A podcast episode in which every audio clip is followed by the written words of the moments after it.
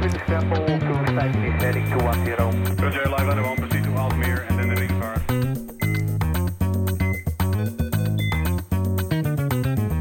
Goedendag beste luisteraars. Welkom bij Ambulance, de podcast. De podcast over ambulancezaken en prehospitale zorg. Deze aflevering wordt weer een nieuw ambulanceonderwerp besproken door mezelf en mijn gast van vandaag. Ik wens u veel luisterplezier. Ja, goeiedag allemaal. Welkom luisteraars weer bij een nieuwe podcast van Ambulance, de podcast. Mijn naam is eh, Ivo van Asperen en ik ben de presentator van deze podcast. En vandaag twee gasten weer, twee interessante gasten als het goed is. En ik begin eh, met Peter Hans Vierhoven. Welkom. Welkom, dankjewel Ivo. Ja, en aan de linkerkant zit voor mij Maarten Brandt. En ik ga eh, nu jullie verder voorstellen. Peter Hans Vierhoven, jij bent uh, academiemanager bij de Hogeschool van Arnhem en Nijmegen. Dat klopt helemaal. Ja, en welke richting, waar ben jij de manager van, zeg maar? Nou, ik ben academiemanager van de Academie Gezondheid en Vitaliteit. En ik ga vooral over de bachelor medische hulpverlener opleiding. Ja. En ik zag ook dat je chirurgie anesthesie ja, kan delen. Wij, wij hebben ook de, de CZO-opleiding voor operatieassistent en anesthesiemedewerker. En ook nog de masteropleiding uh, physician assistant. Oké, okay, dus een ja. drukke baan denk ik. Ja, drukke baan. Vandaag gaan we het hebben over de richting BMA en de problematiek rond de stages bij de BMA. Ja. En uh, omdat wij uh, ik eigenlijk altijd experts erbij willen he hebben, heb ik uitgenodigd Maarten Brandt. Want jij bent stage-expert, zeg maar. Ja, mensen zeggen het. Ja, want jij, het, als ik naar je LinkedIn kijk, dat je helpt de organisatie om een sterk imago te bouwen bij jong talent in een krappe arbeidsmarkt. Klopt. Dan zit je goed in het werk nu, want ik geloof dat er overal krapte is. Ja, inderdaad, zeker. Niks te klagen. Nee, nee niks klopt. te klagen. Hey, je hebt een uh, boek geschreven, het grote stageboek voor werkgevers. Ja. Ik heb dat eigenlijk onlangs gelezen en uh, interessant. Ja, wat vond je ervan? Ja, ik vond het goed. Oké. Okay. Ook omdat er allemaal dingen waren waar ik eigenlijk zelf nooit aan had gedacht. En we gaan het er daar over hebben. Mm -hmm. Uh, maar er staan heel veel tips in. Ik denk dat het echt een heel bruikbaar boek is voor mensen die gewoon weer meer willen weten over stagiaires en stages. Ja, is precies de bedoeling. Super. Ja. ja. Ik had ook gelezen waarom je het gestart was. Het ja. was er niet eigenlijk, hè? Nee, inderdaad. Ja, het is ontzettend grappig dat je denkt van... hé, hey, zoiets moet er al zijn. Ja, en dat het dan gewoon niet is. Dus ja, als je dan een uitgever benadert, dan zijn ze meteen enthousiast. Ja. ja. En, en waar bestaat jouw werk dan uit? Ja, um, nou ja, in grote lijnen kan je gewoon zeggen dat ik bedrijven en organisaties adviseer over hoe ze op een slimme manier verbinden met jong talent. En dat kan zijn in de vorm van een lezing die ik geef. Uh, het kan in de vorm van uh, ja, advieswerk zijn. Um, en het kan ook in de vorm van workshop zijn. Dat is ongeveer de grote drie die ik momenteel doe. Oké, okay, hartstikke mooi.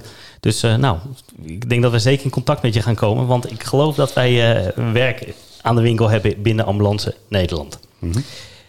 Peter, ik wil graag met jou beginnen. Um, dit is een probleem momenteel in, in sowieso in de zorgsector, maar ook in ambulanceland. Waar halen wij ons personeel vandaan? Wie gaan wij opleiden? En wat ik zo verbaas is dat wij als ambulance dienst allemaal heel druk bezig zijn met social media en proberen mensen te krijgen uit die uh, ziekenhuizen, old school, hè, spoedeisende hulp, IC's, CCU, leegtrekken. En we hebben een hele mooie opleiding, de BMA, sinds een paar jaar. Met heel veel succesvolle um, mensen in de zorg. En dit jaar of vorig jaar wilden, nou, ik geloof wel 500 man starten die niet konden starten omdat er geen stageplekken waren binnen het zorgstelsel in Nederland. Ja, dat, uh, dat is helemaal juist, Ivo. Ze hebben jou goed geïnformeerd. Uh, wij maken geen enkele reclame voor onze studie. Uh, daar gaat geen euro naartoe. de studenten melden zich op landelijk niveau. Hè, hebben we drie hogescholen waar je deze opleiding kunt volgen. Utrecht, Rotterdam en, en Nijmegen. En ongeveer 1500 studenten melden zich aan voor deze opleiding per jaar. En dan hebben we het over Nederland breed? Daar hebben we het over Nederland breed, dus 1500 uh, in totaal. En daar kunnen we ongeveer nou 100, 150 van opleiden. En dat heeft inderdaad te maken met uh, de tekorten aan stageplaatsen. Ja, en, dat, en, en de stageplaatsen die jullie nodig hebben zijn denk ik IC, spoedeisende hulp en ambulance, hè? Nou, IC niet, tenminste nog niet zeg ik even. maar vooral de acute zorg breed. En dat zijn inderdaad de ambulance sector, spoedeisende hulp. Maar ook cardiologische afdelingen, interventiecardiologie. Ja. Ja, uh, heb jij enig zicht hoeveel mensen eigenlijk naar de ambulancebranche zouden willen van zo'n opleiding?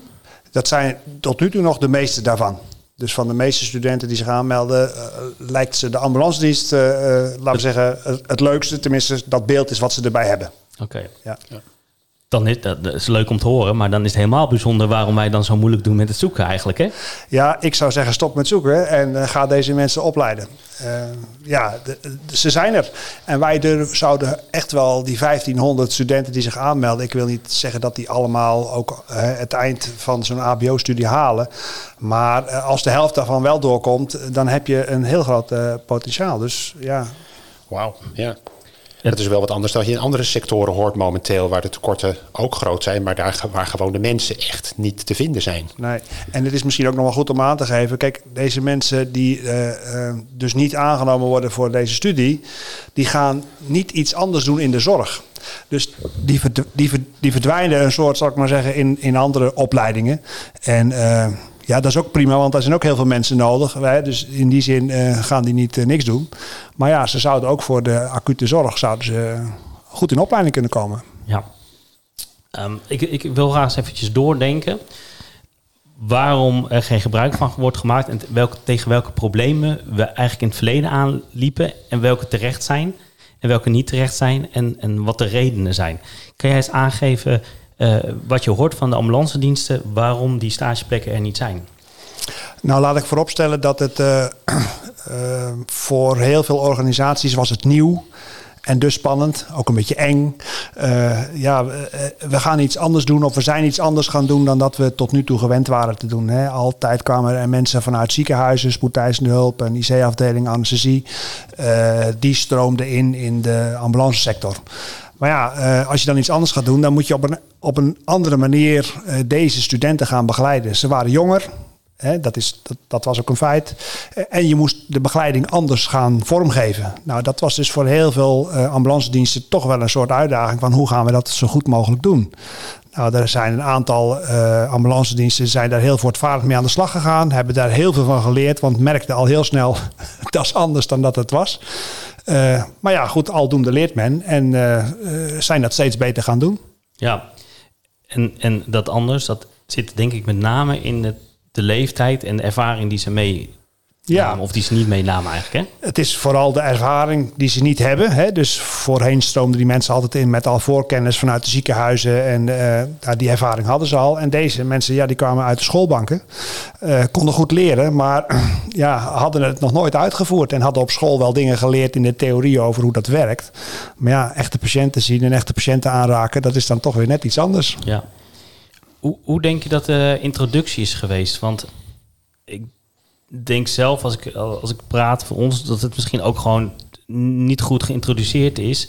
Ehm, of misschien wel goed, goed geïntroduceerd is, maar dat de diensten zelf eh, het niet binnen de teams goed geïntroduceerd heeft wat nou een BMA is en wat ze kunnen verwachten. Ja, nou ja, zeker achteraf zou je zeggen dat had beter gekund. Eh, ik, ja, ik, ik weet niet of we dat van tevoren verkeerd hebben ingeschat. Eh, ik kan me nog herinneren in, eh, toen de- deze opleiding begon. Toen zijn we met een delegatie van Ambulancezorg Nederland en de Hogeschool Utrecht en de Hogeschool Arnhem-Nijmegen zijn we in Zwitserland wezen kijken. Hoe eh, niet-verpleegkundigen daar opgeleid worden tot, eh, zoals het daar dan heet, rettungssanitators.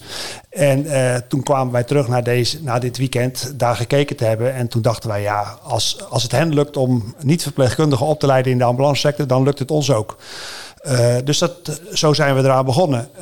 Ja, de communicatie naar het personeel, wat, wat er was, ja, die zijn er ook gewoon mee geconfronteerd. En misschien zegt dat ook wel iets over de sector. Hè? Eh, wij zijn doeners, eh, we pakken aan en hup, vooruit met de geit. Eh, dus ja, dat had misschien beter gekund. Dat klopt misschien wel. Ehm, ik, kan, ik kan me nog herinneren, ik werkte toen met de GGD, toen kwam de eerste BMA's binnen. En we waren natuurlijk allemaal een soort ja, een volwassene groep gewend. En ineens liepen daar jonge, in, in sommige kinderen van 18 jaar, ehm, die totaal bleu zo'n stage inkwamen, die ineens geconfronteerd werden met een heel heftig beroep. Eh, en, en met name met hele heftige personen die in dat beroep werken. Ik denk dat dat nog wel het heftigste was. Want het beroep is heftig, maar daar is wel mee om te leren gaan. Maar die personen die waren ook wel heel heftig. En eh, dat eigenlijk vanaf week één ze zeiden van nou, dit, dit gaat niet werken, weet je wel. Ja, dat klopt. Er kwam een andere generatie binnen. En ehm, ik denk dat het eh, vaak zo was dat degene die deze mensen moesten gaan begeleiden, dat, dat, dat hadden ook de vaders en moeders kunnen zijn van deze kinderen. En eh, dat is tevens ook een, een, een struikelpunt geweest. Omdat men zag van ja, dit zou ik mijn eigen kinderen allemaal niet willen aandoen. Dit soort dingen zien en dit soort dingen meemaken. Dat vonden ze echt vervelend. Eh, dus ja, ik denk dat, dat deze begeleiders hier ook zichzelf een weg in hebben moeten zoeken. Als het gaat over eh, ja, hoe, hoe gaan wij dit nou doen. En ik heb ook nog een, een voorbeeld hiervan waarvan een, een van de begeleiders zei van ja, ik, ik, ik, hoor ook een verhaal van mijn dochter die in een stage loopt in een ziekenhuis. En dat liep ook niet helemaal eh, zoals die dat zich voorgesteld had. En dan heb je daar gesprek over hoe zou jij nou willen dat deze studenten thuis aan hun ouders vertellen hoe ze begeleid worden bij ons. En dan gebeurt er wat. Dan voel je ook dat ze denken, ja, maar het zal toch niet gebeuren dat deze studenten thuis aan hun ouders vertellen eh, hoe wij met deze mensen omgaan. En dat heeft heel veel goed gebracht als het gaat over dit moet anders. Um, het is duidelijk te merken dat je eigenlijk met een generatieverschil hebt. Hè? Ik bedoel, de, uh, ja, de leeftijdsgroep die er nu zit, zit eigenlijk bijna allemaal tussen de 25 en uh, hoger, zeg maar. Um, Maarten, zou je ja. wat meer kunnen vertellen over, de, over dat generatieverschil tussen de mensen die nu komen in het werkveld mm -hmm. en onze generatie, zeg maar? Ja, ja, oude mensen met veel werkervaring, ja. Um, ja, daar kan ik wel wat over zeggen. Nou ja, kijk, het voorbeeld dat je net schetst, dat is eigenlijk best wel, um, best wel iets wat, in, wat, wat symbolisch staat voor wat er eigenlijk bij veel meer beroepen gebeurt. En dat is toch het idee dat uh, ouders van, uh, bij de opvoeding van hun kinderen ontzettend beschermend zijn en er alles aan proberen te doen. Dat op het moment dat de jongetjes en meisjes, hè, ze worden wel eens gekzinnende prinsjes en prinsesjes van de applausgeneratie, hè, omdat ze overal applaus voor hebben gekregen, de echte boze wereld in worden gestuurd. de curlingouders. De, de curlingouders nog ja, steeds ja. borstelend voor die kinderen. Ja. Bijna op het moment dat ze op de ambulance meegaan, bijvoorbeeld, op een plaats van een incident He, er blijven staan van ach schatje, ach schatje, ach gaat het, ach gaat het. Ja. Um, als je met studenten zelf praat, kijk, ik heb niet veel met leerlingen in deze sector gepraat, maar wel in andere sectoren. Um, dan dan um, kunnen die kids best wel wat hebben. Dus ik denk dat er echt een grote aanname zit bij veel mensen dat deze jonge mensen uh, niet in staat zijn om om te gaan met complexe, uitdagende, emotioneel belastende situaties. Het is net de vraag hoe je er om, mee omgaat als omgeving, als leermeesters en dergelijke. Maar je hoeft ze er niet voor te beschermen. Echt niet. Ik, ik, ik, ik heb één concreet voorbeeld. Uh, dat komt, uit, een, uh, dat komt dan uit de politie. Uh, ik heb een keer meegemaakt dat iemand zelfmoord pleegde door van een gebouw af te springen. Um, en een van de eerste aanwezigen op de plaats delict, uh, noem ik, hoe noem je dat? Het incident, mm. plaats delict. Ja, ik weet niet hoe je dat noemt. Ik, probeer ook maar, zo. ik probeer ook maar in het jargon te hangen, jongens. Uh, give me a break. Uh, maar die, die, dat was een hele jonge meid, een agent. En de manier waarop zij die, dat incident handelde op dat moment, dat was zo professioneel. Zij was, ik was 25, 26, zij was echt nou 20, 21. Echt uh, net uit de luiers. Voor, voor, zo zag ze er ook een beetje uit. Ze kon volgens mij net bij het stuur, zo klein was ze. Maar de manier waarop ze dat aanpakte was zo professioneel. Waardoor ik eigenlijk op dat moment ook heb gezien van... hé, hey, dat je jong bent wil niet zeggen dat je niet in staat bent om professioneel nee. te handelen. Um, nou ja, nog even terug naar het generationele. Ik denk echt dus dat het een aanname is van ouders. Die proberen hun uh, eigen kinderen, die ze in die leerlingen zien, misschien wel te beschermen voor de boze buitenwereld.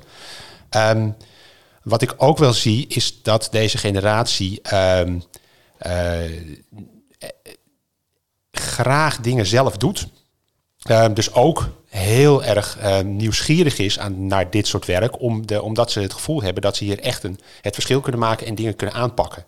Deze generatie is heel erg gewend om dingen zelf uit te vogelen, dingen zelf te doen, dingen zelf te onderzoeken. En ik denk dat deze wereld daar bij uitstek een prachtige omgeving voor is. Met heel veel uh, uitdaging, heel veel impact en heel veel vrijheid. Op het moment dat je daar de juiste kaders voor schept. Het viel me ook, het viel me ook op binnen het symposium, uh, waar alleen maar BMH's waren eigenlijk. Mm -hmm. Um, hoe ongelooflijk gemotiveerd en nieuwsgierig ja. en geïnteresseerd zij waren. Ja. Binnen die zaal, in workshop, in het luisteren, in... Dat viel me echt op. Ik was ja, er heel enthousiast Precies, van. want je hebt natuurlijk ook geen rechtenstudenten hier zitten... die denken van, ja, ik moet wat met mijn studie. Nou ja, dan maar dit. Dit zijn allemaal studenten die bewust kiezen voor dit vak. En dus ook snappen volgens mij van, joh, er kan een beetje bloed bij komen kijken. Mensen kunnen emotioneel zijn. Dus die weten dat. Die kiezen ze juist misschien daarom juist wel voor dit vak. Ja, het, het werd misschien heel vaak als reden gegeven. Je moet hun beschermen. Nou, dat is één, hè, het ding waar ze ja. tegenaan lopen. Dan twee zeg is... eh, ja, voor dit vak moet je echt wel levenservaring hebben. Hè? Want soms ben je Ja, net dokter veel. Ik heb wel eens een dienst op de Rapid gehad. Dat ik eh, drie keer bij, meer over een soort sche- eh, over scheiding had gehad met de mensen. En zeg, joh, moeten jullie hier wel mee doorgaan? Dan dat ik ambulancewerk aan het doen was. En dan zeggen ze, ja, dan moet je toch levenservaring voor opdoen. In zekere zin is dat natuurlijk ook zo. Aan de andere kant, als je op de ambulance gaat werken, ga je heel snel heel veel levenservaring opdoen. Ja. En ben je binnen een jaar een totaal andere persoon dan je was toen je binnenkwam, zeg maar. Zeker wel, inderdaad. En ehm, wat je ook niet moet vergeten, dat op het moment dat, zo, dat je zo iemand op de wagen krijgt, of in ieder geval in een ambulanceomgeving, ehm, dan, heb je wel, dan heb je misschien mensen die niet heel veel le- levenservaring nog hebben, maar wel al heel veel theoretisch nieuwe kennis meenemen vanuit school, waar die ze misschien wel ook kunnen meebrengen, terwijl jij als hè, oude bok zoals ik zelf, hè, even mijn generatie dan, onze ge- ge- generatie, ehm, weer, kan weer kan teruggeven in de vorm van de levenservaring die je aan de studenten kunt geven. Dus het kan een prachtige wisselwerking zijn. Ja, bij de... Ja, Ja. Ehm, ze lopen binnen de BMA lopen ze twee keer een stage.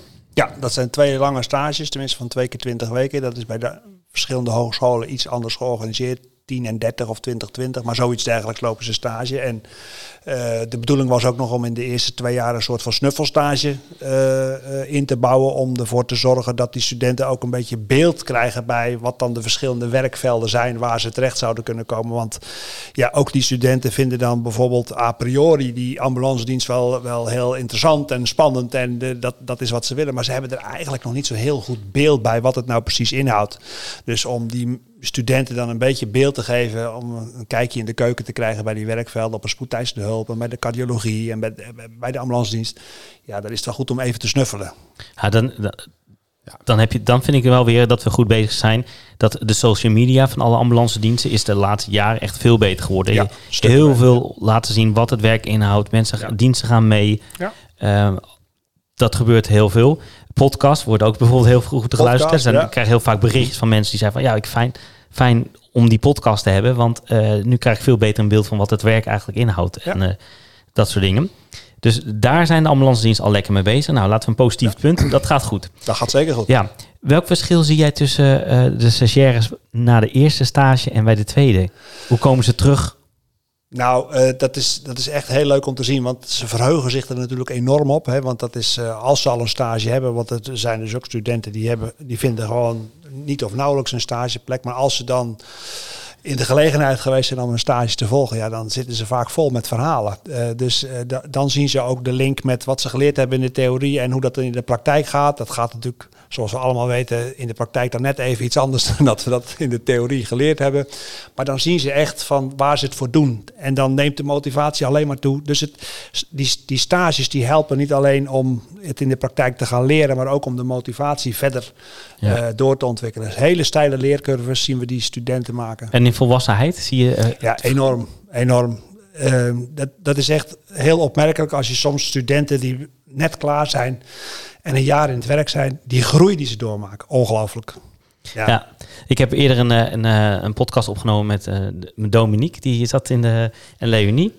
Toen de voorzitter en Dominique in ontwikkeling. En ik kan nog heel goed herinneren dat wij moesten eigenlijk in het begin Dominique begeleiden in goh, hoe zit je nou, hoe begeleid je nou, hoe, hoe, hoe gedraag je nou op zo'n werkveld. En ja, het is nu echt een een topper. Eigenlijk toen ze klaar was, was ze al een topper. Ja. Maar het is gewoon eh, superleuk om toen te zien hoe ze zich ontwikkeld heeft. Dat Natuurlijk ontwikkelt ze nu net zoals wij ons ontwikkelen. Ja. Alleen op die op jongere leeftijd zie je grotere verschillen. Hè? Ja, dat klopt. Die curves die zijn, eh, die zijn heel stijl, maar dat zie je ook nog na hun opleiding. Want natuurlijk is het zo, hè, ze doen vier jaar opleiding met, met dan twee grote stages erin. Eh, maar daar houdt de leercurve niet op. Dus we zien ook in de traineeships die eh, ambulance diensten aanbieden om deze mensen nog door te ontwikkelen. Daar zien we echt een, ook zo'nzelfde soort groei. Dus ehm, ja, daar doen ambulance diensten ook gewoon heel goed werk om, zal ik maar zeggen, dat nog meer specifiek te richten op het ambulancewerk. Want dat is dan toch weer net iets anders dan in ziekenhuizen. Ehm, maar daar gaat de le- leercurve dus gewoon door. Ja. Eh, Maarten, kan jij eens aangeven, wat, wat moeten bedrijven doen om de jonge mensen eh, te binden? Eén, te kunnen begeleiden. Maar daarna, wat is het voordeel voor een bedrijf om eigenlijk met die jonge sta stagiair of stage mensen, met stagiaires. ja, stagiair weet Ja. het gewoon, eh, te starten? Ja, ehm, nou ja, kijk, op het moment dat je met stagiaires werkt, dan, dan dat dit eh, evangelie verkondig ik vaker, heb je gewoon een hele slimme eh, manier om jonge te me- mensen om een sterk imago bij ze op te bouwen. In vakjargon employer branding. Eh, het is goed voor je recruitment, want je haalt er mensen op een relatief goedkope, goede manier mee binnen. Ehm, op een andere manier van, hey, laten we twee gesprekken voeren en dan godzegende de greep. Je hebt echt, ik noem het ook wel, een sollicitatiegesprek van 20 weken. Een, eh, een stage. Het is, je hebt dus echt lang de tijd om eens even goed met elkaar kennis te maken. En echt te snappen van, hey, passen wij bij elkaar? Als beroep en, en als eh, student, maar ook als bedrijf en als student. Ehm, het is een fantastisch ding om een student voor een deel in te werken. Hè, dat op het moment dat iemand echt volledig voor het echi zeg maar, aan het werk gaat, nou, dat iemand al weet hoe het een beetje gaat. En je niet van nul hoeft te beginnen met inwerken. Nou, dat is prettig. Ja, en het is ook wetenschappelijk onderzocht ook dat mensen die ehm, al ergens in dienst zijn en vervolgens daar iets anders gaan doen, dus bijvoorbeeld via een traineeship of een stage binnenkomen, die blijven langer hangen bij een bedrijf. Het is, eh, ik heb me zelfs laten vertellen dat ze, een laag, dat ze dan statistisch gezien een lager salaris accepteren, maar daar wil ik even vanaf zijn.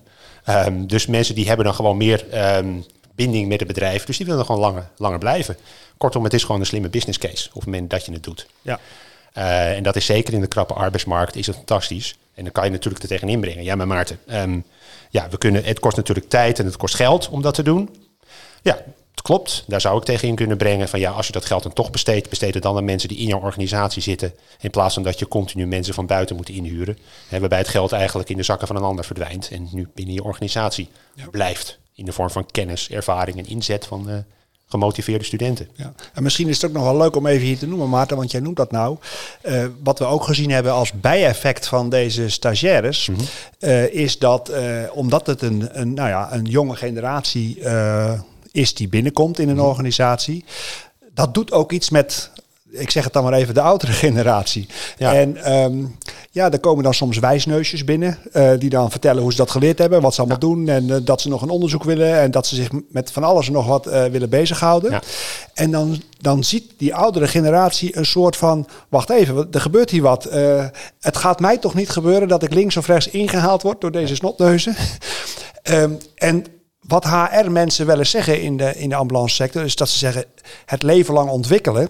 eh, dat was ons waarschijnlijk zonder die BMA helemaal niet gelukt. Want hoe hadden we anders Nee. deze mensen weer in de leermodus gekregen? En dat, dat hebben ze eigenlijk gekregen omdat deze mensen, zou ik maar zeggen... met hun enthousiasme en hun vragen eh, ja, eh, bij die bedrijven terechtgekomen zijn. Ja, dat klopt. Je hebt ook nieuwe ogen en oren binnen je organisatie. Ik, eh, wat, wat ik vaak doe eh, als ik bij bedrijven ben en zeggen van ja, we willen dan zo graag die frisse blik hè, van, van, van die jonge mensen hebben. Zeg nou, zorg ervoor dat je zo, zo snel mogelijk, ik noem het dan ehm, een, een dagboek van verbazing laat bijhouden. hè, waarin je ze eigenlijk gedurende de eerste periode alles laat opschrijven van wat ze leuk, spannend, anders, opvallend, stom vinden. En praat er dan vervolgens over.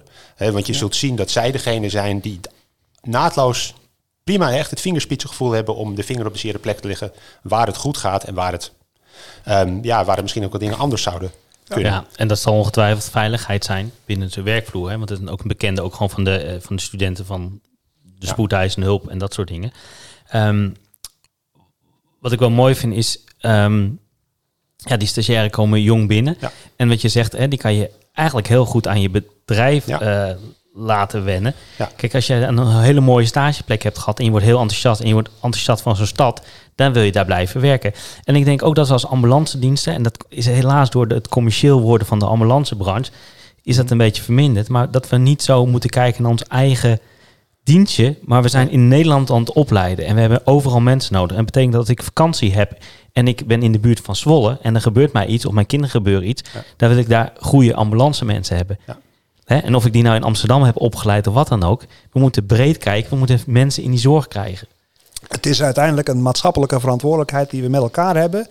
Om altijd te zorgen voor eh, nou ja, mensen die weer dit beroep gaan uitoefenen. En ik denk zelfs dat het zo is, ehm, eh, als we nu even naar onszelf kijken, eh, en dat, dat voorbeeld geef ik wel eens, als wij nu, laten we zeggen, 50 zijn en wij zijn 80 en hebben dan een ambulance nodig, dan hebben we nog een hele generatie de tijd om deze mensen op te leiden. Het duurt nog 30 jaar. En wij hopen dan als we 80 zijn dat er ook 30-jarige jongens en meisjes dan opgeleid zijn om, om dit werk te gaan doen. En, ja, en ik denk als je dan als directeur van een ambulancebedrijf dit hoort en denk ja, het is wel goed, maar ik betaal ervoor en dan gaan ze weg. Dan denk ik, ga dan goed onderhandelen met die verzekeraars en zeg luister eens, ik wil een bepaald geldpercentage voor iedereen die ik stage aanbied en die gediplomeerd hier weggaat. Want het is een maatschappelijk probleem wat ik oplos. En ga het ook samen met anderen doen. Want dat vind ik ook nog een voorbeeld waar heel veel eh, zorgorganisaties in zitten. Is dat ze bang zijn dat die mensen niet bij jouw bedrijf blijven. Dat ze of naar het ziekenhuis gaan of naar een andere ambulance dienst. Eh, ze leiden op voor hun eigen vacatureprobleem. Ja. Eh, maar niet voor een ander. En op het moment dat je ook stages gaat inrichten, dat je het met elkaar gaat doen. En dan noem ik als voorbeeld een ambulance dienst met, die met een ziekenhuis samen gaat zeggen: wij gaan deze stages verzorgen. En ja, waar die studenten uiteindelijk terechtkomen, dat zien we wel. Want dat is ook voor die studenten een beetje passen. De een vindt het veel leuker en veiliger om in een ziekenhuis te werken. Terwijl een ander zegt: ik vind toch eigenlijk die ambulance. Ga het samen doen. Ga samen stages verzorgen. En ga dan met elkaar kijken waar die mensen het beste passen. En dan heb je ook samen een gedeelde verantwoordelijkheid als het gaat over we leiden mensen op voor de zorg. Maar ik, ik snap het wel van de grote eh, de steden. Kijk, het leven wordt duurder. Eh, om in de stad te wonen met je gezin is gewoon hartstikke duur. En op een gegeven moment krijgt zo'n grote dienst dan van ja, we zijn maar vol aan het opleiden. En dat was hier in Amsterdam ook. En maar ik weet ook in Den Haag, Rotterdam, er wordt vol opgeleid. En op het moment ze klaar zijn, na een jaar, krijgen ze ook een beetje de leeftijd van ja, weet je, ik, ik wil settelen, ik wil een huis. Niet te betalen in Amsterdam, Rotterdam, Den Haag, Utrecht. Wat gaan ze doen? Ze gaan naar de Randstad en ze zijn, of eh, buiten de Randstad en ze zijn weg. En dan heb je toch het gevoel van, ja, we zijn maar opleiden. De mensen binnen zo'n dienst zeggen, ja, ik wil ook wel een beetje opleidingsmoe. Maar toch denk ik op dit moment dat wij, eh, wij zijn niet voltallig aan het opleiden. Dus bij iedere plek die niet opgeleid wordt, moeten we gewoon stagiaires plaatsen. Nou ja, en je moet je ook niet, eh, niet veel op die korte termijn kijken. Hè? Want op het moment dat iemand uiteindelijk in het werkveld terechtkomt, dat betekent niet dat hij verloren is voor eeuwig. Als je iemand hebt opgeleid en die is vervolgens weer vertrokken, dan kan hij na een aantal jaren echt wel weer terugkomen hoor. Hè, er zijn ook organisaties eh, die, die dat heel goed bijhouden. En eh, iedere keer na een paar jaar even contact met me hebben van, jee, hoe is het met je? En nou ja, Ja. had je plannen om de, terug te komen? En in een aantal gevallen gebeurt dat ook. Hè? Dat heet boomerang recruitment. En dan Ja. komen mensen ook echt terug. Het lukt alleen maar op het moment dat je mensen een topervaring geeft. Op het moment dat ze binnen zijn. Maar als je dat Ja. voor elkaar hebt, kan het best eens eh, kan het heel, heel erg helpen. En Ja. je hebt ambassadeurs rondlopen van je organisatie. Precies. dat is ook een hele goede. Dat, je- dat, is, dat is leuk dat je dat zegt, hè, Maarten. Dank je. Ehm, want het is ook zo, als je mensen opleidt, dan kom jij op het cv te staan van deze mensen. En als dan mensen zien van, hé, hey, deze mensen zijn bij deze ambulance dienst, eh, eh, hebben ze hun stages gelopen. En dan weet je, nou, dan zijn ze goed opgeleid. Dan, dan hebben ze dat goed gedaan. En ik denk dat dan jouw naam en, en van de organisatie ook doorgaat. Dus je moet het niet alleen doen voor die ene stagiaire die jij denkt, hm, die woont hier in de buurt of die kan hier niet komen wonen of wat dan ook. Maar ook voor het, dit is wat wij doen als branche. Dit is wat wij doen als sector. Ja, je wordt populair, want je denkt van ze gaan lossen problemen op. Ik ken ook wel een dienst, eh, ik ga niet, diensten noemen, die, gewoon heel veel stagiairen van de BMA hebt. Ja, ik kijk dan toch op van, nou, die hebben het goed gedaan, want die, die hebben gebruik gemaakt. Dus daar stijgt het aanzien naar zo'n dienst, hè? Wij, spreek, wij spreken af dat we hier dus geen organisaties bij naam noemen. Maar ik durf wel te noemen dat er zijn echt zie- ziekenhuizen. eh, en die dat gewoon hardop zeggen. Wij leiden wel mensen op. En dat doen we met veel liefde en plezier. En we weten eh, dat er misschien maar 20% hier blijft hangen.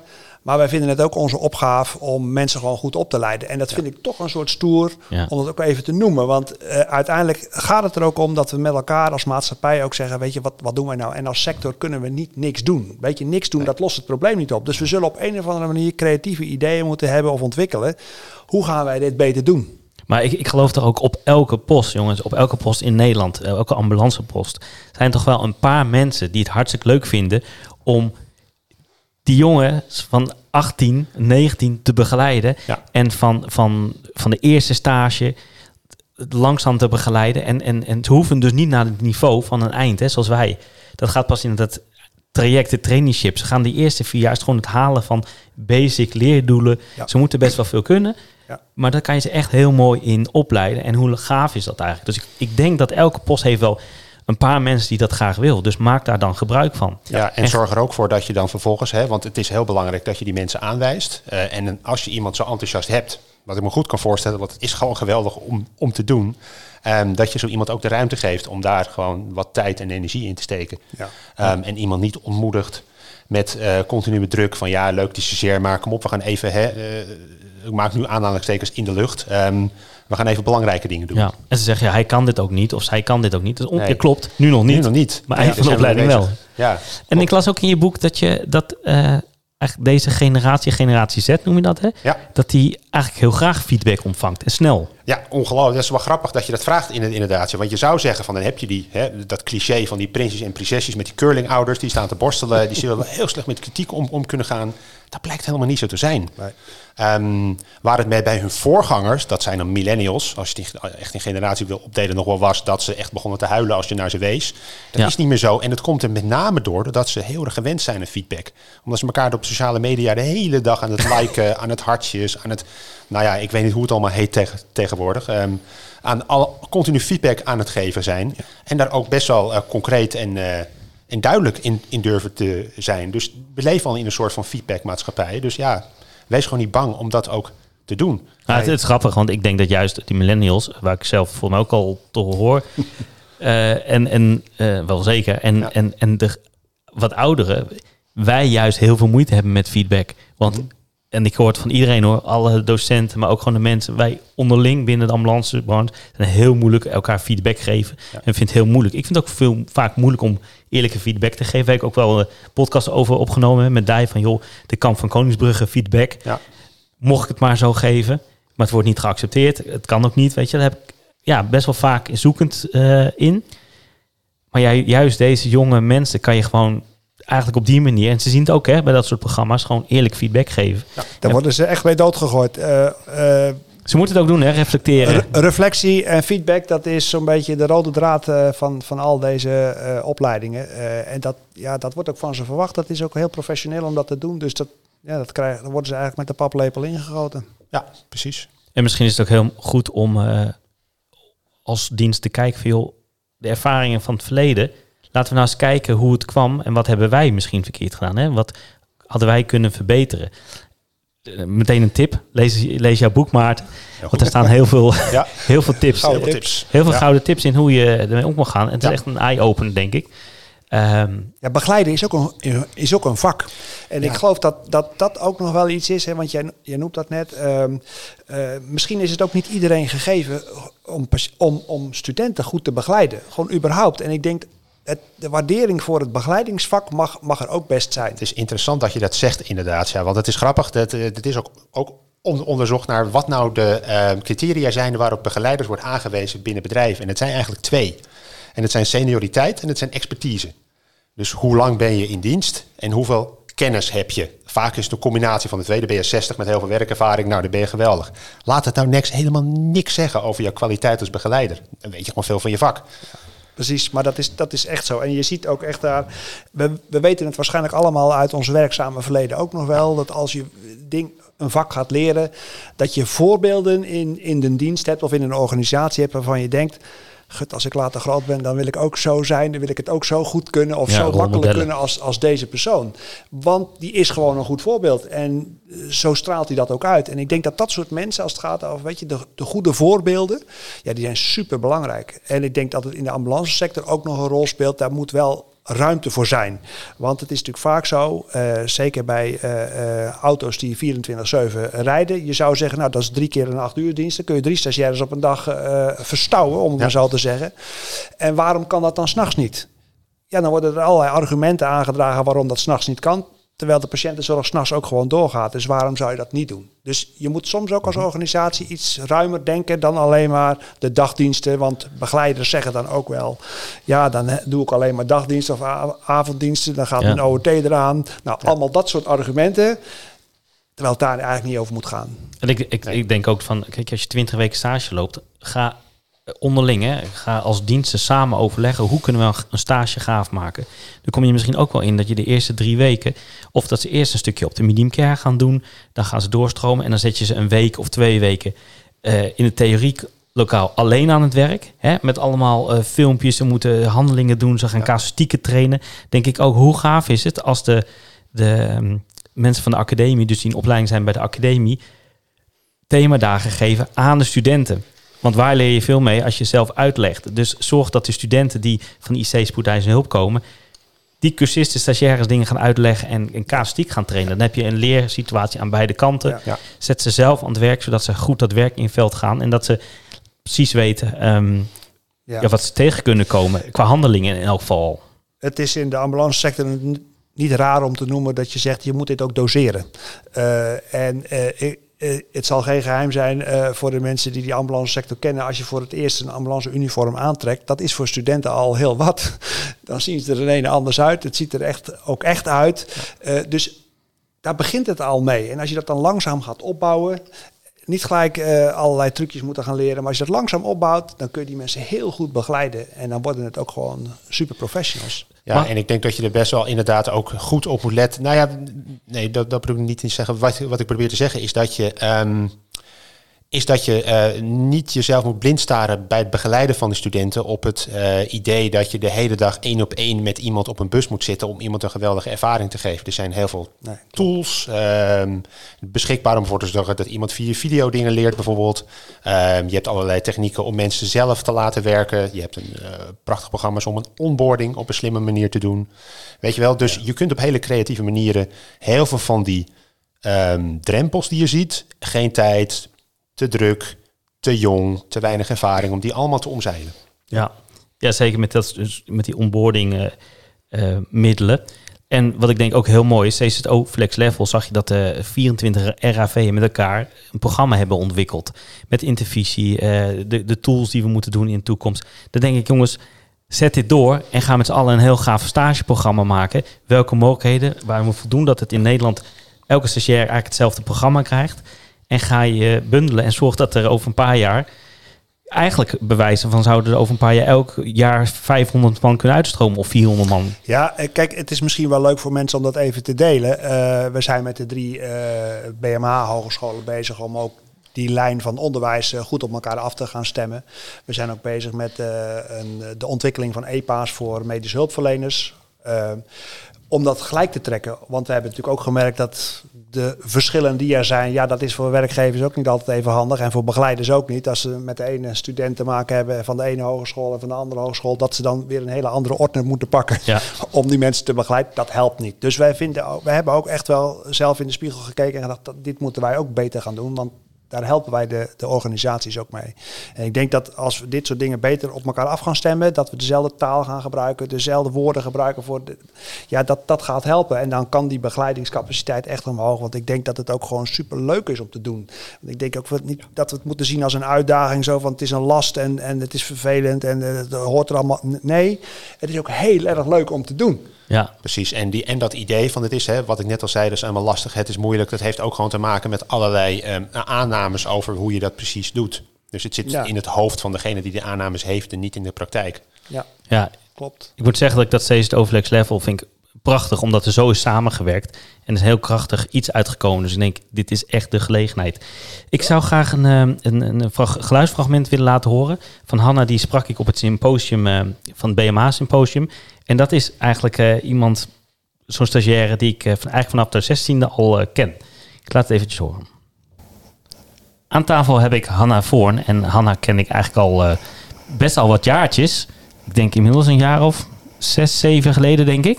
Ja, dat klopt helemaal. Ja, jij uh, zat in het laatste jaar van je middelbare school. En jij kwam toen als heel jong studentje. Je mocht zelfs nog niet meerijden op de ambulance. Dat wilde je heel graag, maar dat mocht toen nog niet. Nee, klopt. Kwam jij uh, langs omdat jij een opdracht moest doen voor de middelbare school, toch? Ja, klopt helemaal. Ja, Wat was dat, weet je dat nog? Ja, ik weet nog heel goed. Jij zat toen op de Rapid Responder. En uh, nou ja, jij vroeg eigenlijk aan mij van, hè, we hebben een, uh, een probleem. Dat komt omdat wij heel veel spullen mee moeten nemen hè, in Amsterdam, de hoge uh, flatgebouwen. En wij willen eigenlijk een middel hebben waardoor dat makkelijk mee te nemen is. En daarvoor gingen wij een ontwerp maken. Ja, dat was jullie opdracht. Ja, klopt. En um, toen was jij geloof ik uh, 17 of zoiets, uh, iets ouder. Ja, 16 denk ik zelfs. Ja, 16 ja. zelfs. Begon toen je enthousiasme voor de ambulance? Ja, klopt. Ja, ik werkte samen met uh, een andere student. En wij wilden eigenlijk de traumahelikopter. Want ik was heel erg geïnteresseerd in de zorg. En hij in uh, vliegtuigen. Nou, dat was iets te hoog gegrepen. En toen zijn we uiteindelijk bij jou terechtgekomen. Ja, maar dat is wel het zaadje dat je dacht van... hé, hey, het is echt een, een vak waar ik in door wil, hè? Ja, klopt zeker. Ja. ja.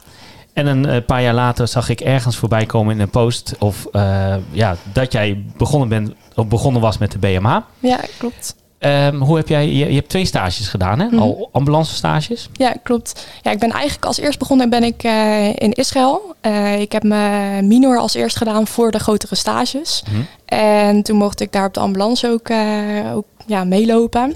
Nou, dat was echt heel erg interessant. Toen kwam ik daarna in eh, een andere RFV terecht. Daar heb ik ook een stage mogen lopen. En daarna dus bij de RFV waar ik nu dus eh, nog steeds ben. Ja. Ja. In deze podcast hebben we het over dat stages, hè, dat het lastig is om stages te regelen. Dat de ambulance diensten er ook niet heel erg open voor staan. En dat komt natuurlijk ook door de leeftijd. En eh, ze zien het als toch wel een heel grote investering en die gaat er weinig uit. Terwijl we zien nu een hele grote zaal vol met BMH-studenten, allemaal actief in het acute zorg. Dus eh, hartstikke mooi. ja, gelukkig. Ja. Ja. Ehm, hoe heb jij die stages ervaren? Eh, je, was nog, je kwam natuurlijk jong. Hoe oud was je toen je je eerste stage liep bij, binnen de Ik ambulance? was denk ik 18. Ja. Oké, dat is inderdaad jong. Maar hoe heb je dat toen ervaren? Ja, ik moet zeggen, ik vond het wel echt even wennen. Mhm. Hè, want ik was zelf natuurlijk ook onzeker. hè. Je komt als eerst bij een, eh, een RAV, bij een bedrijf. En ja, zo'n ervaring heb je natuurlijk als eerst nog niet gehad. Dus dat was voor mij wel echt even wennen. Maar ik merkte wel, hè, ehm, ja, je, hebt, je hebt best wel wat kennis op school opgedaan. Ehm, ja, ze weten ook dat jij nieuw bent. Ja, Ja, ja en alleen je, je, hebt, je hebt wel voor de kennis, maar het, ook het socialisatieproces heb je nog niet gehad. Hè? Van de eerste keer een stage. En je Ja, was natuurlijk klopt. jong, dus dat is voor denk ik de beroepsgroep ook best wel echt Mhm. wennen. Omdat wij natuurlijk normaal altijd wel wat oudere studenten hebben. Eh, eh, zag je al een heel groot verschil bij je tweede stage? Ja, ik merkte wel van, nou, toen had ik de handvaten hè, van hoe zo'n eh, zo'n stage nou in elkaar steekt. Ik durfde toen ook steeds meer voor mezelf ook op te komen van, hè, ik ben jong, dat klopt. Maar ik heb wel de kennis meegekregen, ik vind het leuk en het gaat goed. En dat is nog steeds wel voor mij dat ik denk, ja, ik sta er nog steeds. Ja. En hoe oud ben je nu als vraag mag? Ik ben nu net 22, Dus 22. En hoe lang Ja. rij je nu als gediplomeerd ambulance zorgprofessional? Nu vier maanden. Vier maanden. Ja, en hoe gaat het? Ja, supergoed. Ja? Ja, En, en, en je- de juiste keus? nou zeker. Ja. Ja, ja. hele goede weg geweest. Oké, dus ondanks dat je zo jong begonnen bent, eh, voel je nu ook goed genoeg om zelfstandig op die ambulance Ja, te werken. zeker. Ja. ja. Ehm, gaat het heel vaak zeggen van ja, eh, die jonge studenten moet je niet heftige situaties aandoen, zeg maar. Hè? Hoe Klopt. kijk jij daarop? Nou, ik moet heel eerlijk vertellen, toen ik losging, toen eh, ja, zijn er best wel wat indrukwekkende situaties geweest. Ehm, maar ja, er is een bedrijfsopvangteam. Hè. Bij ons heet het dan team collegiale opvang. En je merkt gewoon dat er best wel veel mensen naar je toe komen. Ehm, ja, weet je, als het handelen ook goed gaat, en dat merk ik heel erg, van je bent gewoon getraind in je handelen, de hulpverlening gaat goed, dat geeft wel rust. Ja, kennis is kracht, hè? Ja, nou zeker, dat merk ik wel heel erg. Ja, Ja. en daarin merk ik nou ook gewoon, hè, je staat er, je doet het. En ja, zolang het handelen goed gaat, zeg maar, dan heb ik er vaak een goed gevoel over. Ja. Heb je wel eens een, mo- een moment gehad dat je dacht van, oh nee, dit kan ik toch niet, want dit is inderdaad te hoog gegrepen voor eh, de fase waar ik nu in ben in mijn leven? Nou, ik heb wel eens dat ik wel schrik van de situaties. Maar dan denk ik, ja, over 40 jaar hoop ik dat eigenlijk nog steeds eh, te hebben. Want je bent wel gewoon een mens. Hè? Sommige dingen die raken jou. En als ik het lastig vind, ja, dan kan ik een tweede ambulance vragen, een MMT. eh, overleggen met een MMA, je collega's. Dus ja, er is eigenlijk zoveel mogelijk binnen de ambulancezorg. Je staat daar niet alleen. Nee. Hoe voel jij je de steun van collega's op dit moment? Ja, op dit moment heb ik daar wel veel steun aan. Ja, Ja. ze begrijpen ook, hè, je bent net nieuw. Ehm, bij ons, bij de RAV, daar wordt daar ook heel erg rekening mee gehouden. Ik ga ook op pad met ervaren chauffeurs. En ja, het is, het is eigenlijk gewoon heel fijn. Ja, En ik denk eerlijk gezegd dat als ik jou over een jaar weer zou spreken, dat je alweer zo'n ontzettend eh, grote basis de extra hebt en dat we bijna alweer een ander gesprek zullen hebben. ja klopt. Ja, je bent nog steeds natuurlijk beginnend beroepsprofessional. En dat vind ik eigenlijk ook het leuke. Hè. Je bent nooit uitgeleerd. En dat is ook gewoon de hele ambulancezorg. Ik hoop gewoon elk jaar weer dingen te leren. Ja. Ja, Ja, je zag natuurlijk in het verleden ook hè, dat jong, mensen jonger op die ambu gingen. Op een gegeven moment werd het wat ouder. Maar je ziet gewoon dat je groeit gewoon binnen die ambulancedienst heel snel. Omdat je gewoon heel veel gekke situaties meemaakt. Heftige situaties. En levenswijsheid heel snel opdoet. En ik denk dat je daar heel veel kracht uit haalt, zeg maar.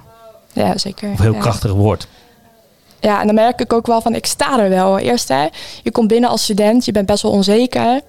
Ehm, ja, wat vinden mensen van jou? Daar was ik ook heel erg mee bezig. Van, vinden ze mij wel goed genoeg? Mhm. Maar ehm, ja, eigenlijk met de ervaring die ik nu al aan het ontwikkelen ben, denk ik van ja, hè, je kan heel veel aanleren, maar het is ook meemaken. Het is ook doen. Ik vind het gewoon een hele fijne opleiding. Hè. Het wordt heel gestructureerd aangeleerd. Het is ook gelijk binnen die acute zorg.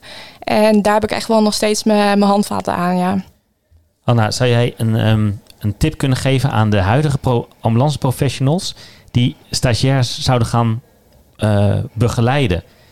Hoe zouden zij met die jonge BMH-groep om moeten gaan, zodat, het, eh, ja, zodat jullie je comfortabel voelen en klaargestoomd worden voor eh, de toekomst?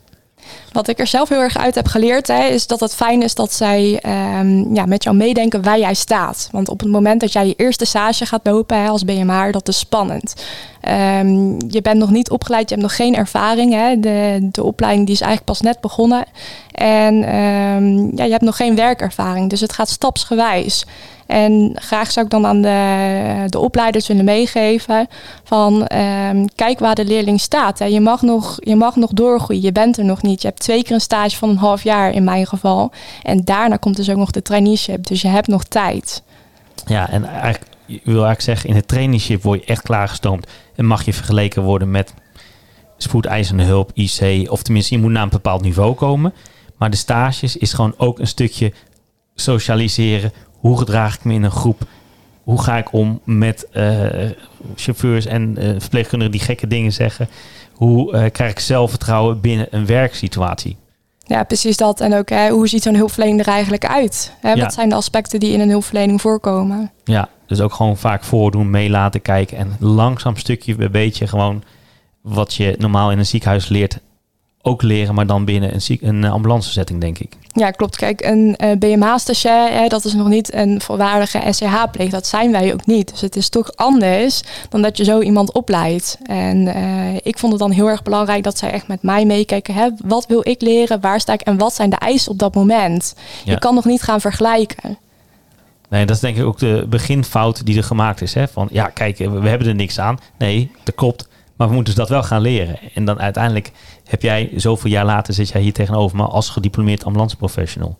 Ja, precies. Het, het komt wel. En waar ik dan altijd een hekel aan had, is dat dan de werkbegeleiders zeiden van, oh, de BMH, hè, dat, dat is niks. Dat zij er zelf eigenlijk niet achter stonden. Terwijl ik had zoiets van, ja, ik ben jong, dat klopt, maar ik wil het graag leren. Hè, en daarvoor heb ik mijn tijd nodig. En ja, uiteindelijk is dat dan ook zo gelukt. Ja. Ja, en geef die tijd. Want je zal nog steeds, hè, over vier jaar ben je weer een andere persoon. Maar ik ben ook vier jaar terug, was ik ook een andere persoon dan nu. En al die ervaring doet natuurlijk goed uiteindelijk binnen het vak. ja, je moet het ook gewoon in de praktijk zien. Je moet kunnen leren in de praktijk. Het is niet alleen maar de lessen die je aan de- bij de BMH krijgt. is ook heel belangrijk, want daar heb je veel aan. Maar je moet het in de praktijk gaan ervaren en zien en zelf doen. Ja, en er hoort ook gewoon een stuk zelfvertrouwen bij. Hè? En dat heb je gewoon als je jonger bent iets minder dan als je wat ouder bent inmiddels, toch? Ja, zeker waar. Ja, Oké. Hey, dankjewel voor dit eh, korte gesprek. ja dank zei dat ze op eh, willen reageren. Ja, geweldig. Ja, dat is ontzettend leuk om te horen. Om eens een keer iemand vanuit het, eh, het echte werk, iemand die er echt van eh, binnenuit naar kijkt. Ehm, ja, twee dingen. Het, het laat aan in de eerste plaats volgens mij zien dat de stage over veel meer gaat dan alleen maar vakinhoudelijke dingen. Het gaat echt heel erg over hoe werkt het nou in de praktijk in het algemene zin. Ik hoorde heel veel hebben eigenlijk over impliciet leren. Hoe gaat het nou eigenlijk op die werkvloer? Hoe ga je met collega's met elkaar om? Ja, hoe ziet het nou in praktijksituaties die altijd anders zijn en uitdagend? En soms best wel heftig, zoals we ook aangeeft. Maar hey, prima, want ik word goed opgevangen. En ik denk dat het ook aangeeft dat, ehm, waar wij het net over hadden, dat dat begeleiden, ehm, dat het ook eh, over meer gaat dan alleen maar je kennis overdragen. Maar dat het ook om op een goede manier kunnen omgaan met die, eh, met die leerling, met die stagiair gaat. Hè. Eh, In, in heet het situationeel leiderschap kunnen tonen. Dat je heel goed weet hoe je een student begeleidt op zijn of haar moment in de opleiding. Wat kan wel, wat kan hij niet, wanneer kan je iemand loslaten. Ik denk dat het hier heel erg goed is. Klein puntje van eh, orde, wat ze net aangaf over dat collega's dan gaan aangeven van ja, hè, eh, wat heb ik nou aan jou? Ehm, ja, dat is wel iets wat, eh, wat heel veel afbreuk doet en wat zonde is, omdat het volgens mij ook prima te voorkomen is in een, eh, in een organisatie, door mensen goed mee te nemen in waarom studenten van deze opleiding nou precies komen. Ja, en, en, precies waar Peter mee begon. Hoe zou je het als ouder vinden als andere volwassenen dat tegen jouw puber of eh, zoon of dochter zeggen? Nou ja, precies. Dan ja, ontplof je toch? Ja, wat heb dan, ik nou aan jou? Dan denk ik nou, krijg eh, je wel vlekken van, ja. ja, Nee, het is, het is helemaal waar eh, eh, wat je zegt. Je kunt ze maken en breken. Ja. Eh, en de kunst is om het te maken. Dat, is, dat is echt hogeschoolwerk, zal ik maar zeggen. Maar breken, ja, dat is zo snel gebeurd. Ja. dus ja, ik, ik- toch een warm pleidooi voor goede werkbegeleiders. Ja. Precies, want, want inderdaad, die stage die, waar, nu wel eens, waar nog wel eens een denkfout wordt gemaakt, ik zeg niet dat het hier gebeurt, maar in algemene zin is dat op het moment dat een student is geworven, er wordt heel veel geld gestoken in werving, goede socials, weet je, we komen Ja. binnen, nou dan staan ze rammelend aan de poort, komen ze binnen en er zitten, worden ze geconfronteerd met, ik chargeer hem even, een stel zagrijnige mensen die zeggen, nou eh, heb je er weer een paar. Ja, Zij heeft niet eens een hand gegeven Ja, aan. Nou, dan maakt dit al, eh, hè? Dat Ja. krijg je. nou, ga maar door. Het, het klinkt misschien raar, maar Ja. dit is vaak voor deze studenten hun, wat Hanna ook zegt, hun eerste werkervaring. Ja. Ze hebben soms een, vakkenvulbaantje gehad of Ja. ergens eh, eh, gewerkt als vakantiejobje. Maar dit is hun eerste baan, waar Mhm. ze echt in een organisatie binnenkomen. Waar, nou ja, Super spannend, hè? en dan ook nog professionals die op een hoog niveau hun werk moeten doen. Hè? Want dat wil ik ook zeggen, het gaat wel ergens over. Dus het, ik snap ook best dat dat verschil dan heel groot is met wat men Ja. gewend was en wat er nu binnenkomt. Maar ik vind het ook wel, zoals Hanna dat zei. eh, kijk, het is nooit leuk om vervelende dingen te zien. Dat is niet leuk als je 20 bent. Dat is niet leuk als je 40 bent. Het is ook niet leuk als je 60 bent. Sommige dingen worden namelijk nooit leuk. Gelukkig maar ook. En precies, en Ja. dat is wat Hanna ook zegt. Ik hoop nog steeds, en dat vind ik dan ook wel heel sterk, dat ze zegt, daar hoop ik nog steeds zo in te staan als ik een paar jaar verder ben. Dus dat, en dat is ook zo. Maar eigenlijk, eh, ja, ik vind het heel simpel. Wees gewoon lief. Die mensen, of het zou kunnen dat ze niet geschikt zijn voor de ambulance. één of twee personen die je dan treft. Maar die moet wel verder in het leven en die moet niet afgebroken worden. Dus wees gewoon lief en wees gewoon zorgzaam. En kijk of je iemand naar zo'n niveau krijgt. Gaat het niet, nog niet erg? Ja, het is, ze, ze hebben er echt bewust zelf voor gekozen. Hè? Dus het zijn allemaal studenten die bewust dit, dit vak, of in ieder geval de acute zorg, eh, op willen. En dan denk ik, ja, als je daar al bewust voor kiest, dan probeer het dan ook eh, goed te begeleiden. Eh, en ja, weet je, wij durven als hogescholen de stap pas te zetten om nog meer studenten die zich eh, vanzelf aanmelden op te leiden. Op het moment dat wij zeker weten dat die stagevelden er zijn. Want wij proberen echt wel eh, ons best te doen om te kijken hoe kunnen we die studenten nou zo goed mogelijk voorbereiden op die stagevelden. En dan gaat het misschien ook soms wel eens over, als je voor het eerst komt, eh, stel je netjes voor, geef een hand aan de mensen.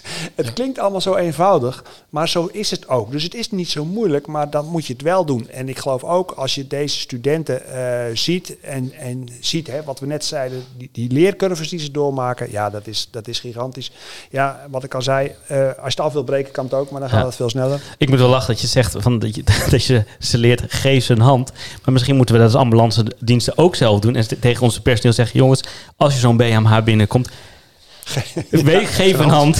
Ja, ja. En ga ze welkom heten alsof het je- bij je thuis is, weet je wel. Daar kunnen we echt wel wat in doen. ja ik denk dat dat, dat gaat gewoon helpen. Ja. Ik denk dat we al heel veel besproken hebben en sowieso dat wij pro-stage zijn. En daarvoor heb ik jullie ook uitgenodigd, omdat ik toch echt ook een beetje het probleem bespreekbaar wil maken. Teamstage, yes. Teamstage. Ehm, het is wel duidelijk. Ik denk dat we, als we het even samenvatten eh, tussen ons drieën, ga samenwerken. Ja? Correct. Ga je verdiepen in de generatie Z eh, millennials. Ja, Hè? Dus eh, waar kun je ze mee binden? Eh, ik denk dat we al heel be- goed bezig zijn met social media, want het is Ja. heel eh, normaal. Alleen dan moeten we stap 2 doen als je ze binnenhaalt en je hebt ze eh, enthousiast Precies. gemaakt. Dan en dat begint zijn het ze, want ze staan bij jou aan de poort. Dan gaat echt werk beginnen. En wat kunnen we dan als stap 3 doen om ze welkom te heten? precies. Ik denk dat dat hele, een hele goede samenvatting is inderdaad. Ja. ja. Ja. Oké, Peter Hans, wil jij nog iets kwijt? Eh? Nou, eigenlijk eh, eh, vind ik het heel leuk dat dit onderwerp überhaupt besproken wordt. Want Ivo, het lijkt allemaal zo makkelijk en het lijkt allemaal zo eenvoudig. Maar juist er aandacht aan besteden, ook het aandacht geven aan goede werkbegeleiders. Ze misschien ook wel belonen voor goede werkbegeleiders. Dat, dat, dat is belangrijk. Dus ik, ja, ik zeg het maar nog een keer, ik onderstreep het nog een keer. Heb aandacht voor goede werkbegeleiders, want dat is, dat is echt de crux. En dan wil ik organisaties alleen maar uitnodigen om samen met buurorganisaties of andere soortige acute zorgorganisaties samen te werken en te kijken naar hoe zou je nou zo'n stage kunnen inrichten. Want het kan ook eh, eh, tien weken hier, tien weken daar zijn. Ze leren namelijk overal. Voor deze studenten is alles Ja. nieuw. Dus ze leren altijd. Wees creatief. Wees creatief. Ja. Maarten, jij... eh, Ja, nou ja, op het moment dat je dan die mensen binnen hebt, ehm, dan krijg ik wel re- re- regelmatig de vraag van, joh, weet je, wat, wat is nou in essentie wat je met die eh, jongens en meisjes allemaal, eh, hè, wat, je, wat je met ze moet doen? En ik vat het graag samen altijd in wat mij betreft eh, de heilige drie-eenheid is. Dus op het moment dat studenten binnenkomen, moet je ze drie dingen meegeven. Dat is, ik kan het. Dus ik ben competent, heet het dan in vakjargon. Ik kan het zelf. Ik heb een zekere mate van autonomie. Dus ik kan meepraten over wat ik, wat ik ga doen en in welke volgorde. Ehm, en ten derde, ja, ik, ik hoor erbij. En dat derde is misschien nog wel de pijler waarop dat laatste is gebouwd. Want daarmee laat je met mensen zien dat ze zichtbaar vooruit gaan boeken in ehm, wat ik noem betekenisvol werk. En als je ergens betekenisvol werk kan doen, dan is het volgens mij wel in deze branche. Ja, dat is zeker zo. Gezien en gehoord voelen, dat geldt voor alle mensen zo, maar zeker ook voor studenten. Ja, Mooie woorden. Mag ik jullie alle twee hartelijk bedanken voor de komst naar deze eh, studio hier in Amsterdam. Ehm, ik ga eventjes, de, ik zal de link van jouw eh, boek onder de show notes zetten. leuk. Ja. En eh, ook je bedrijf, ik bedoel, eh, dan mag je reclame maken ook. Je bent hier geweest, dus ik ga je eronder zetten. Mensen kunnen je altijd benaderen als ze advies willen hebben. Peter Hans, dankjewel voor het, al het werk wat je doet voor de BMA en de beroepsgroep. En ehm, luisteraars, ik wil jullie bedanken voor het luisteren naar deze podcast. Wil je mij volgen, kan dat altijd via ambulancedepodcast.nl. Ik ben op Instagram te vinden, Ambulance de Podcast natuurlijk. En ehm, ik heb een alweer een nieuwe afspraak voor een andere podcast. Eh, dat gaat niet over de BMH, maar over een tijdje weer wel. Maar nu, eh, ik weet eigenlijk nog niet wie eerst komt. Dus ik eh hou nog even verrassing wat het volgende onderwerp Spannend. wordt. Maar eh, blijf luisteren en vertel het vooral door. En geef sterretjes op de podcastplatforms. Tot de volgende keer. Dank jullie wel.